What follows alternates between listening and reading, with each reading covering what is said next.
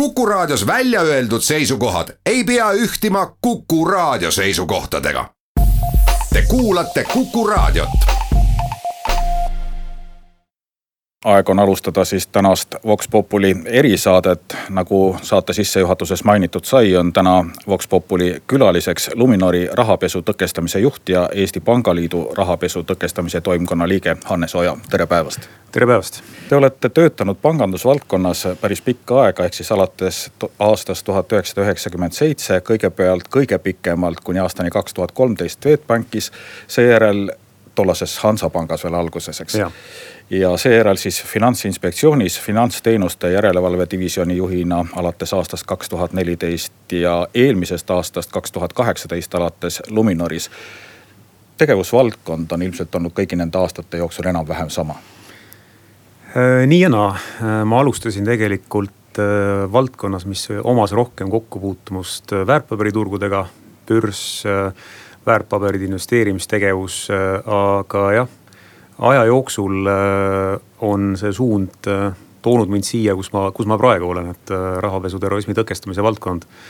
et see on olnud selline loomulik areng, kuna keskkond meie ümber on arenenud ja, ja ilmselt igal ajahetkel on, on selliseid valdkondi, mis paratamatult nõuavad rohkem tähelepanu, äratavad ka endas huvi ja tekitavad tunnet, et, et sinna on võimalik panustada ennast arendades Eestis on neid, nimetagem struktuure, mis rahapesuvastase võitlusega tegelevad ju õige mitu. kogu seda valdkonda kureerib rahandusministeerium rahandusministeerium on jah, selline asutus, mis siis äh, on nii-öelda regulaator ehk seadusandja, et äh, temalt äh, tulevad valdavalt siis seda valdkonda reguleerivad õigusaktid.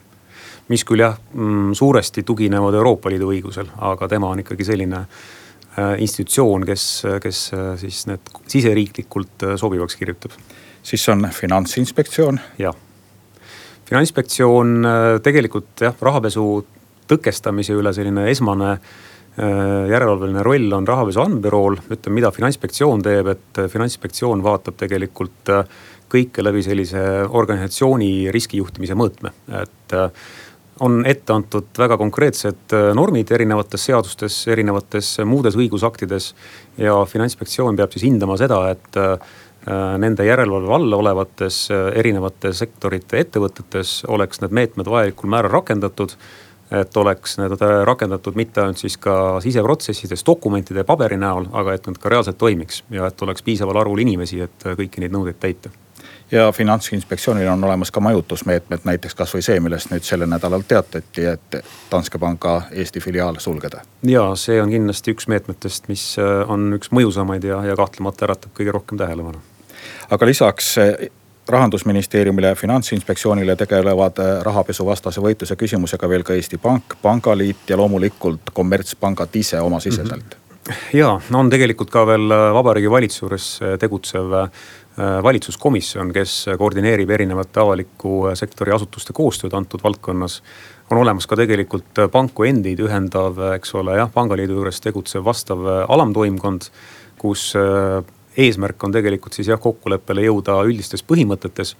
ja noh, selline kõige põhjalikum ja täpsem äh, meetmete rakendamine on iga noh, antud juhul siis, kui me räägime pankadest, et iga panga enda vastutus, sest et äh, seadus on küll kõigil üks, aga see, kuidas keegi nendest äh, normidest aru saab, et äh, eks seal on sellist erinevat tõlgendamisruumi. Need normid on ka aja jooksul päris mitmel korral muutunud, õigemini muudetud.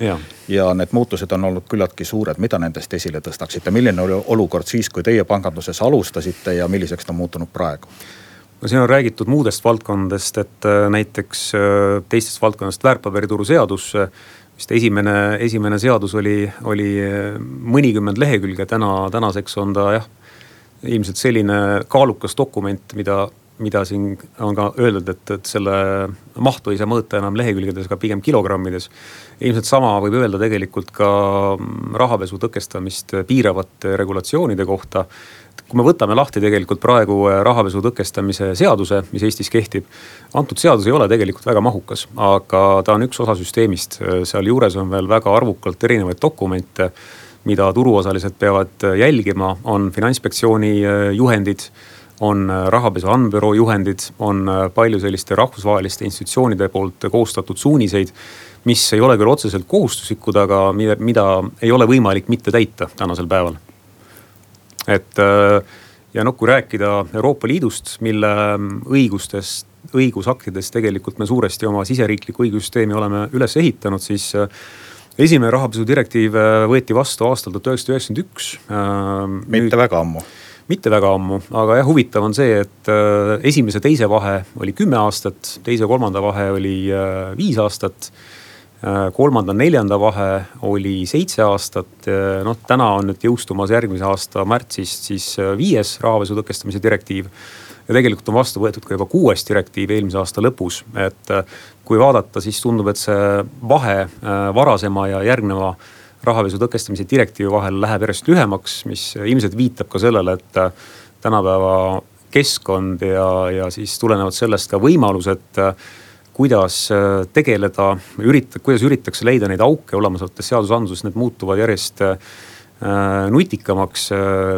saadakse tuge erinevatest tehnoloogilistest lahenditest, et, et see ilmselt viitab ka sellele, et on vaja jõulisemat sekkumist siis nende ametiasutuste poolt, kes seadusi kirjutavad sai mainitud, et kuus direktiivi on praeguseks vastu võetud, kõik ei ole jõustunud veel.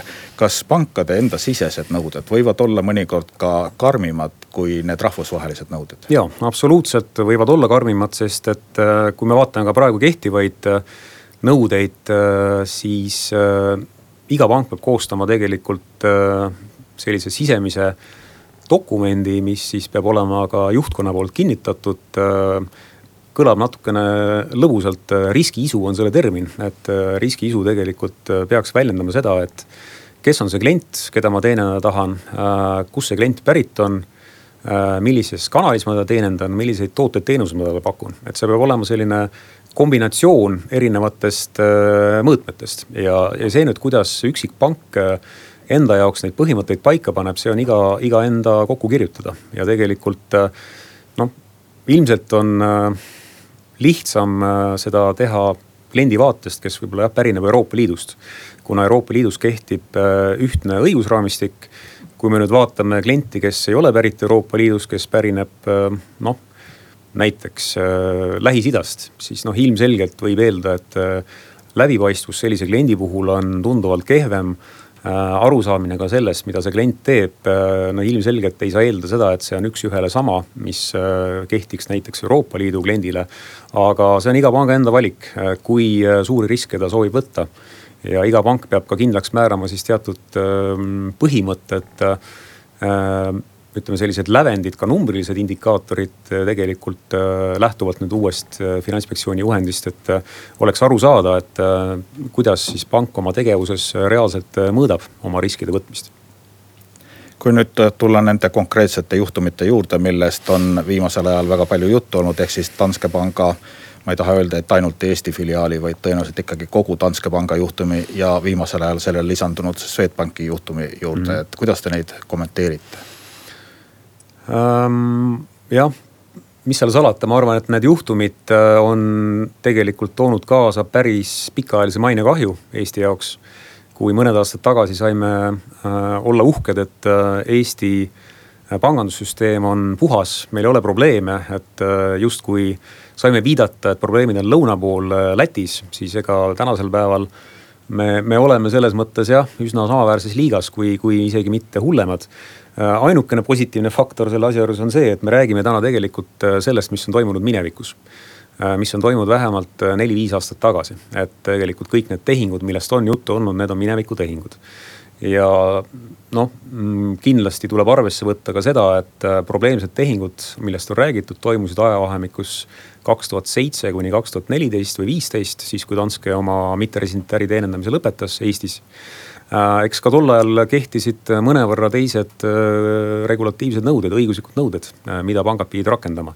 loomulikult see ei, ei õigusta toimunud, toimunud rikkumiste ulatust, aga no eks ta teatud teistsugusesse konteksti need rikkumised asetab. aga jah, ilmselt Danske juhtum on on päris hästi kajastamist leidnud ka tegelikult ju finantsinspektsiooni poolt Ehm, need rikkumised tegelikult äh, Danske panga puhul kindlasti olid, olid ka vastu tolleaegseid kehtivaid nõudeid. mis puudutab Swedbanka, jah, see juhtum on väga värske, eks ole, info tuli avalikuks alles kaks pool päeva tagasi Äh, ja, ja millega see päädib, äh, eks seda näitab aeg, et kuna nii Rootsi kui, kui Eesti järelevalveasutused on asunud koostööle, et siis tõde välja selgitada. Te kuulate saadet.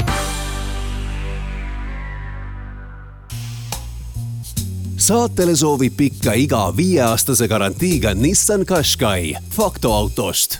jätkame saadet nimega Saade ja täna nagu ikka reedeti on siis Vox Populi erirubriik. tänase Vox Populi erikülaliseks on Luminori rahapesu tõkestamise juht ja Eesti Pangaliidu rahapesu tõkestamise toimkonna liige Hannes Oja. ja nagu ikka Vox Populi erisaate teises pooles on võimalik ka teil, lugupeetud kuulajad, meile helistada ja esitada küsimusi saatekülalisele. Meie telefon on kuus, kakskümmend üks, nelikümmend kuus, nelikümmend kuus ja ootame siis teie küsimusi ja kõnesid aga seniks jätkame juttu Hannes Ojaga. rääkisime eelnevalt lühidalt ka sellest Danske panga ja nüüdseks lisandunud Swedbanki juhtumist. samas on ju avaldatud juba ka arvamusi, et tõenäoliselt on kõik Eesti pangad siiski mingil määral nendest Danskest lähtunud rahavoogudega seotud olnud jah, see selline uudis äh, käis tegelikult läbi mõni aasta tagasi juba, kui, kui Danske kaasus rohkem avalikuks sai, et äh, ma usun, et äh, eks kõik pangad on enda enese sisse vaadanud ja, ja üritanud aru saada, mis on toimunud, et küll jah, ütleme mahtude mõttes, mahtude mõttes põhiline rahavoog ikkagi liikus, mis ida suunalt tuli läbi, läbi siis Danske panga, et see tegelikult tuleb hästi välja ka ühes väga, väga kenas ülevaatlikus statistikas, mille Eesti Pank avaldas eelmise aasta septembris kui Danske panga enda koostatud lõppraport avalikkuse ette toodi, siis tegelikult sealt ilmnes ka, et et selliste riskantsete klientide ja riskiriikidest pärit maksete proportsioonid, need näitasid seda, et see probleem pigem oli seotud jah, ühe, ühe pangaga. Et noh, tegelikult kahe pangaga, et aga ka üks teine väikepank, eks ole, Versopank, keda tänasel päeval enam ei ole, kellelt võeti ära tegevusluba eelmise aasta märtsis. aga nüüd tundub, et meil on ka esimene küsija liinil, tere päevast. hallo. ja tere ja palun teie küsimust hallo. hallo. ja me ootame teie küsimust, Kuku raadio kuulab. sealt küsimust ei tulnud, aga loodetavasti saab siis keegi teine helistada või proovib sama inim-, sama inimene uuesti. ja järgmine helistaja ongi juba liinil, tere päevast. tere päevast, ajakirjanduse väitel äh, toimus äh, võimalik rahapesu Swedbankis aastatel kaks tuhat seitse kuni kaks tuhat viisteist. praegune Luminori panga juht, Erki, Eesti Panga juht Erkki Raasuke oli pikka aega Swedbankis tööl, üheksakümne neli kuni kaks tuhat üksteist ehk neli aastat selle nõndanimetatud rahapesu ajal. Teie olite vist aastani kaks tuhat kolmteist, kui ma ei eksi, väga kõrgel kohal äh, Swedbankis, lisaks on noh, selle aja Swedbanki CV-s ka nõndanimetatud Rumeenia kinnisvarafondi juhtum. Äh, minu küsimus on, et kuidas sellise CV-ga kõrged pangajuhid ja vastutavad inimesed mõjutavad teie arvates Luminori panga usaldusväärsust, sest noh, pank, pank ju müüb usaldust ja noh, kui ma vaatan seda, et minu enda pensionifondid on nagu eelmisel aastal kõvas miinuses, siis noh, paratamatult noh, usaldust ei ole teie panga vastu. kuidas te kommenteerite seda mm,? ja äh,, alustan võib-olla kõigepealt pensionifondidest, et eks pensionifondide tootlikkus äh, suuresti sõltub sellest, äh, milline on finantsturgudel tootlikkus, et äh, ma usun, et viimastel aastatel need käärid, mis on varasemalt olnud, tegelikult on läinud üsna, üsna väikeseks, et siinsete fondide tulemuslik, tulemuslikkus on paranenud, et kui turgudel on halb aeg, ilmselt läheb halvasti ka paraku pensionifondi klientidel. mis puudutab nüüd küsimuse esimest poolt, siis äh, krediidiasutuste juhtide sobivust äh, hindab äh, väga põhjaliku menetluse käigus äh, järelevalveasutus, finantsinspektsioon koostöös siis Euroopa pangandusjärelevalvega.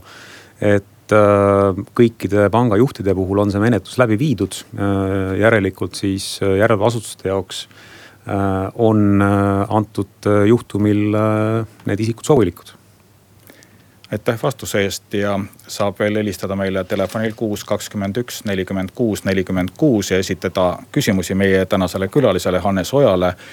nende kõigi teemade kohta, mis puudutavad rahapesu ja rahapesuvastast võitlust Eesti finantsettevõtetest. kas meil on järgmine helistaja praegu liinil ka, hetkel ei ole.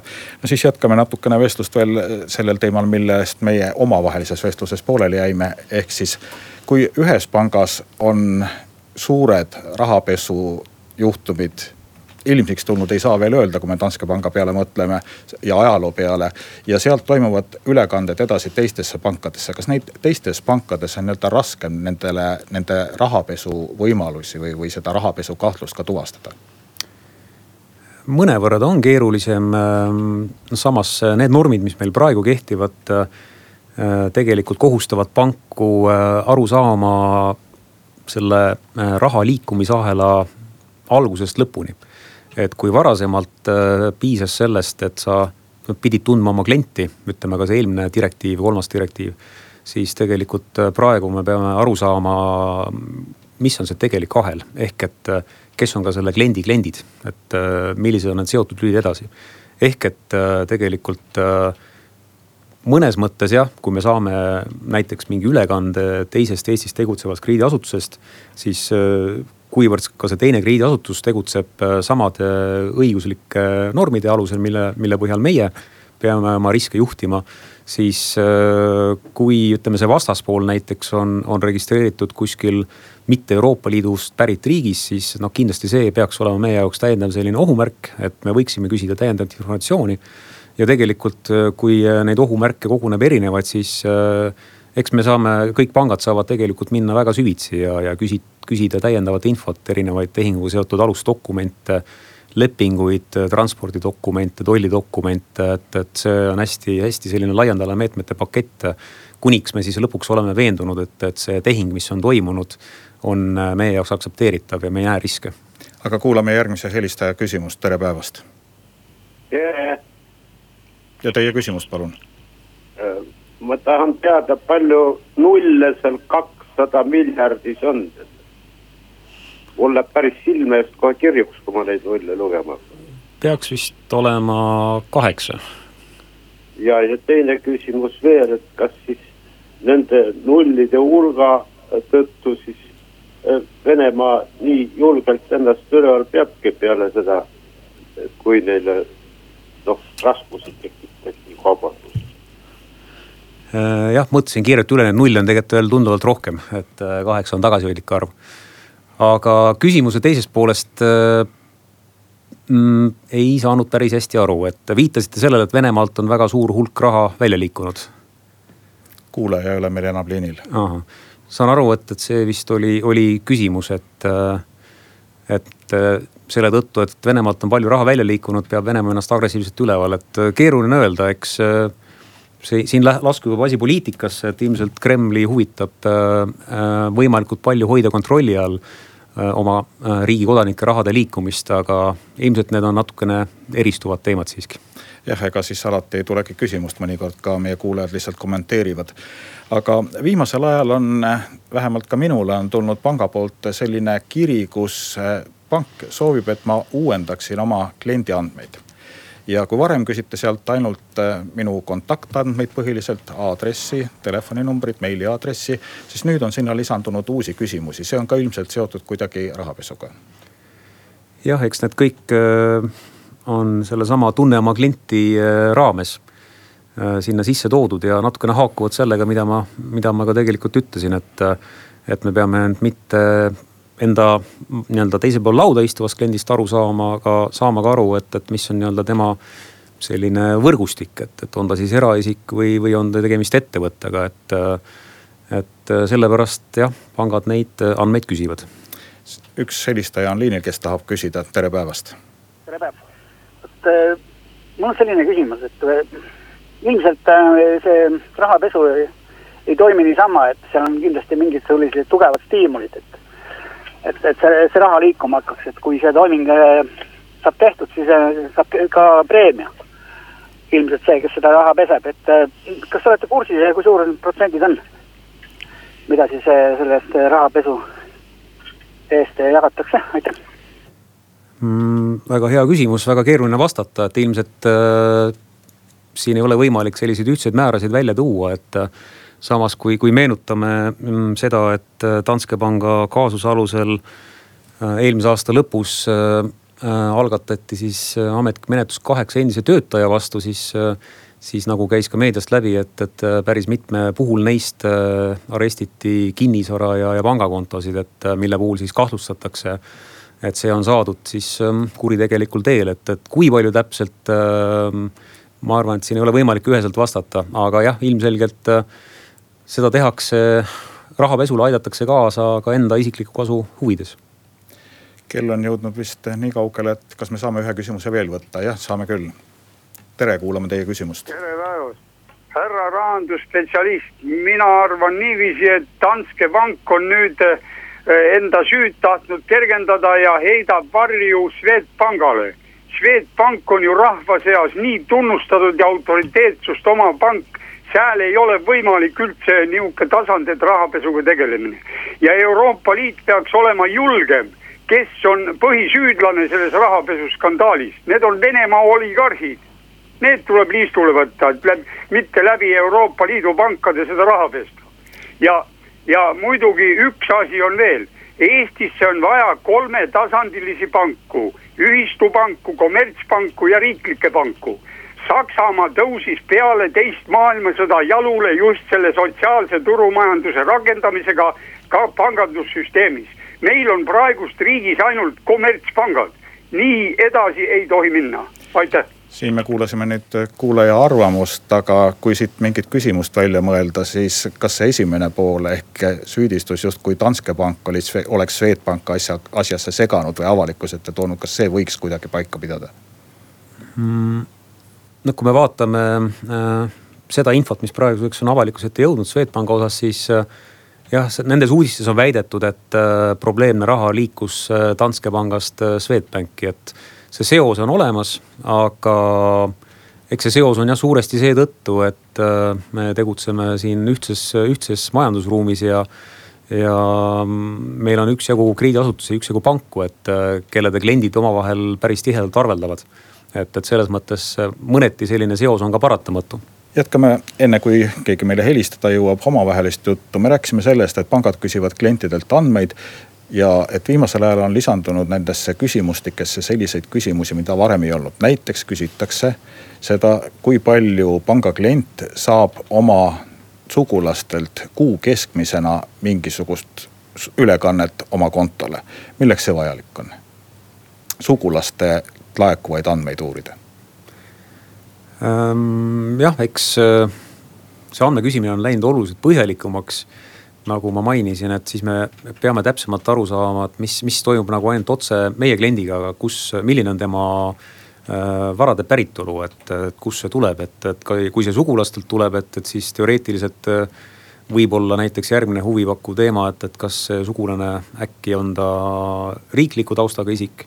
riikliku taustaga isiku puhul äh, on meil täiendavad sellised kõrgendatud hoolsuskohustused, mida me peame järgima, et ta on osa, osa nagu nende kogumite süsteemist, et jah, ega tegelikult äh, seadus täpselt detailselt rida-realt ei ütle ette, mida sa küsima pead.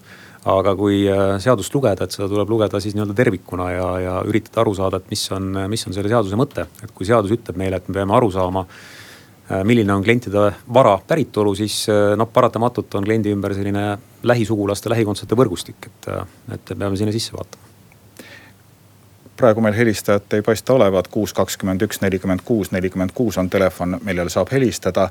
kas Eestis on teada juhtumeid, et niisuguste lähisugulaste kaudu tulnud ülekannetes on rahapesuga tegemist ähm,? Need ei ole selles mõttes jah, sellised väga mahukad kaasused, mida, mida saaks nii-öelda põnevatena välja tuua, et. et eks lähisugulasi üritatakse kasutada ja on kasutatud ikka, aga, aga ilmselt nende suuremate kaasuste fookus on olnud siiski mujal ja nüüd on meil helistaja liinil, tere, ootame teie küsimust. tere päevast, minul selline küsimus. kui ma vaatan nüüd neid pankade kasuminumbreid, mis siin vahetevahel nagu ära trükitakse, siis need kasumid on ikkagi, ikkagi päris suured ja, ja mulle tundub, et pank, pangad ei ole siiski nagu tavalised tööstusettevõtted, mille puhul noh, nagu kasumi suhtes äh, ei, ei peaks nagu, nagu siis inimesed vaatama, et, et miks, miks see ikka nii suur on, kuna pangad on justkui majanduse vereringe, aga kui vereringe vohab, siis tuleb vähk. Ja minul ongi selline küsimus, et, et kas ei peaks olema mingi kontroll pankade kasumi üle näiteks sest eks see kasum tulebki ju näiteks, mida suurem rahapesu, mida rohkem raha pangast läbi käib, seda suurem tõenäoliselt on kasum. no õnnetuseks veel need suured pangad viivad selle kasumi ka Eestist välja, aga see on teine küsimus. aga nüüd jah, see niisugune põhimõtteline küsimus, et ülisuured pangakasumid, need ju noh, nagu, nagu kehutavadki panku võimalikult palju raha läbi laskma, järelikult ilma igasuguse kahtluseta hakata raha pesema, et kuidas nüüd, see on niisugune nagu filosoofiline küsimus veidi, aga kuidas sellesse suhtuda? jaa äh,, väga huvitav küsimus, äh, vastaksin äh, niimoodi, et äh, siin on kaks tahku. kindlasti esimene on see, et kas ja kui palju peaks riik äh, sekkuma erasektori tegevusse ja kui palju peaks seda reguleerima ja piirama et see on tõesti ilmselt küsimus, mille üle võib debatti pidada lõputult jah, väga palju selliseid äh, piiravaid meetmeid hetkel, hetkel äh, maailmast ei meenu. teine teema on see, et äh, kas ja kui palju pangad teenivad võimalikke sellist ebaseaduslike rahaliste vahendite vahendamise läbi. ma arvan, et, et siin on selles mõttes olukord muutunud üksjagu, mis ta oli aastat kümme või rohkem tagasi, et tegelikult veel mõned aastad tagasi oli, oli selline karistusmeetmete maht äh, üsna piiratud, et jah, äh, finantsinspektsioonil oleks olnud võimalus äh, eemaldada krediidiasutuse juht, kes, kes oleks vastut-, kes vastutab siis asutuse toimimise eest ja, määrata ka rahatrahv, aga need raha, rahatrahvide määrad siin veel mõned aastad tagasi olid väga sümboolsed. Äh, täna me oleme oma siseriiklikus õiguses ka tegelikult jõudnud äh, sinnamaani äh, peegeldades sisuliselt seda, mis on Euroopa Liidu vastavates aktides, et. et need võimalikud trahvimäärad on väga olulised, mis tegelikult omavad omaksid juba reaalselt ka majanduslikku mõju. ja ma arvan, et need trahvimäärad peaksid edaspidi oluliselt piirama ja vähendama seda pankade, mõne pangapoolset huvi võtta selliseid riske, mis ei ole tegelikult juhitavad ja järgmine küsija paistab ka liinil olevat, tere ja ootame teie küsimust. mul on veel selline küsimus, et teatavasti äh, kui nüüd toimub, äh, tuvastatakse, et, et siis ähm, toimus rahapesu, siis äh, trahvi, mingid trahvid tulevad pankadele. kas need trahvid lähevad siis Euroopa Liidu ühisesse kassasse või, või, või saab vabariik ka mingisugune väikse nutsu? et, et noh, kuna kuna ta on nagu osa meie majandusharust. aitäh mm,. huvitav küsimus äh,. ja see, sellele, sellele hetkel, hetkel jään vastuse võlgu. kas meil on ka järgmine helistaja praegu? ei ole. aga nüüd juba on. kuulame teie küsimust, tere. tere, Kuku sõbrad. kuidas see pangasisene raharessurss jaotub, et kui palju seal on näiteks eh, inimeste kontode raha. et kui näiteks, kui me läheks, võtaks endal kontod tühjaks, et siis palju jääb eh, panga enda raha ja kas äh, eraisiku konto raha ka kasutataks nii vaikselt, ilma lõivu maksmata?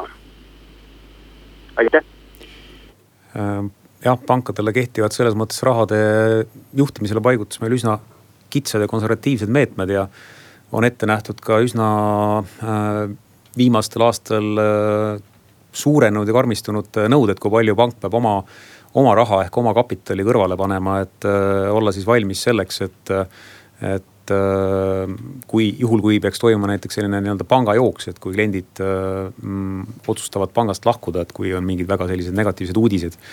et öö, need öö, nii-öelda puhvrid, mis on seaduse poolt ette kirjutatud, on hetkel üsna arvestatavatel tasemetel, et äh, võimaldada vältida seda, et, et tõesti äh, vältida siis jah, sellist maksejõuetust ja kaitsta ennast ootamatute riskide ja, ja kõikumiste vastu. aga jah, äh, see, mis puudutab äh, klientide vara kasutamist, et eks pank on selles mõttes ühtepidi asutus, mis äh, kogub avalikkuselt vahendeid, teisalt, äh, mis, mis annab äh, avalikkusele raha välja laenudena, et finantseerida ja elavdada majandust, et, et see on selline seotud, äh, seotud süsteem. kus on ette kirjutatud kindlad põhimõtted, mida, mida on lubatud teha, mida mitte ja sellega ongi meie Vox Populi tänane erisaade lõppenud, rohkem meil aega küsimusteks ei ole. täna oli stuudios küsimustele vastamas Luminori rahapesu tõkestamise juht ja Eesti Pangaliidu rahapesu tõkestamise toimkonna liige Hannes Oja. suur tänu teile, et saite meile stuudiosse tulla ja jõudu tööle. aitäh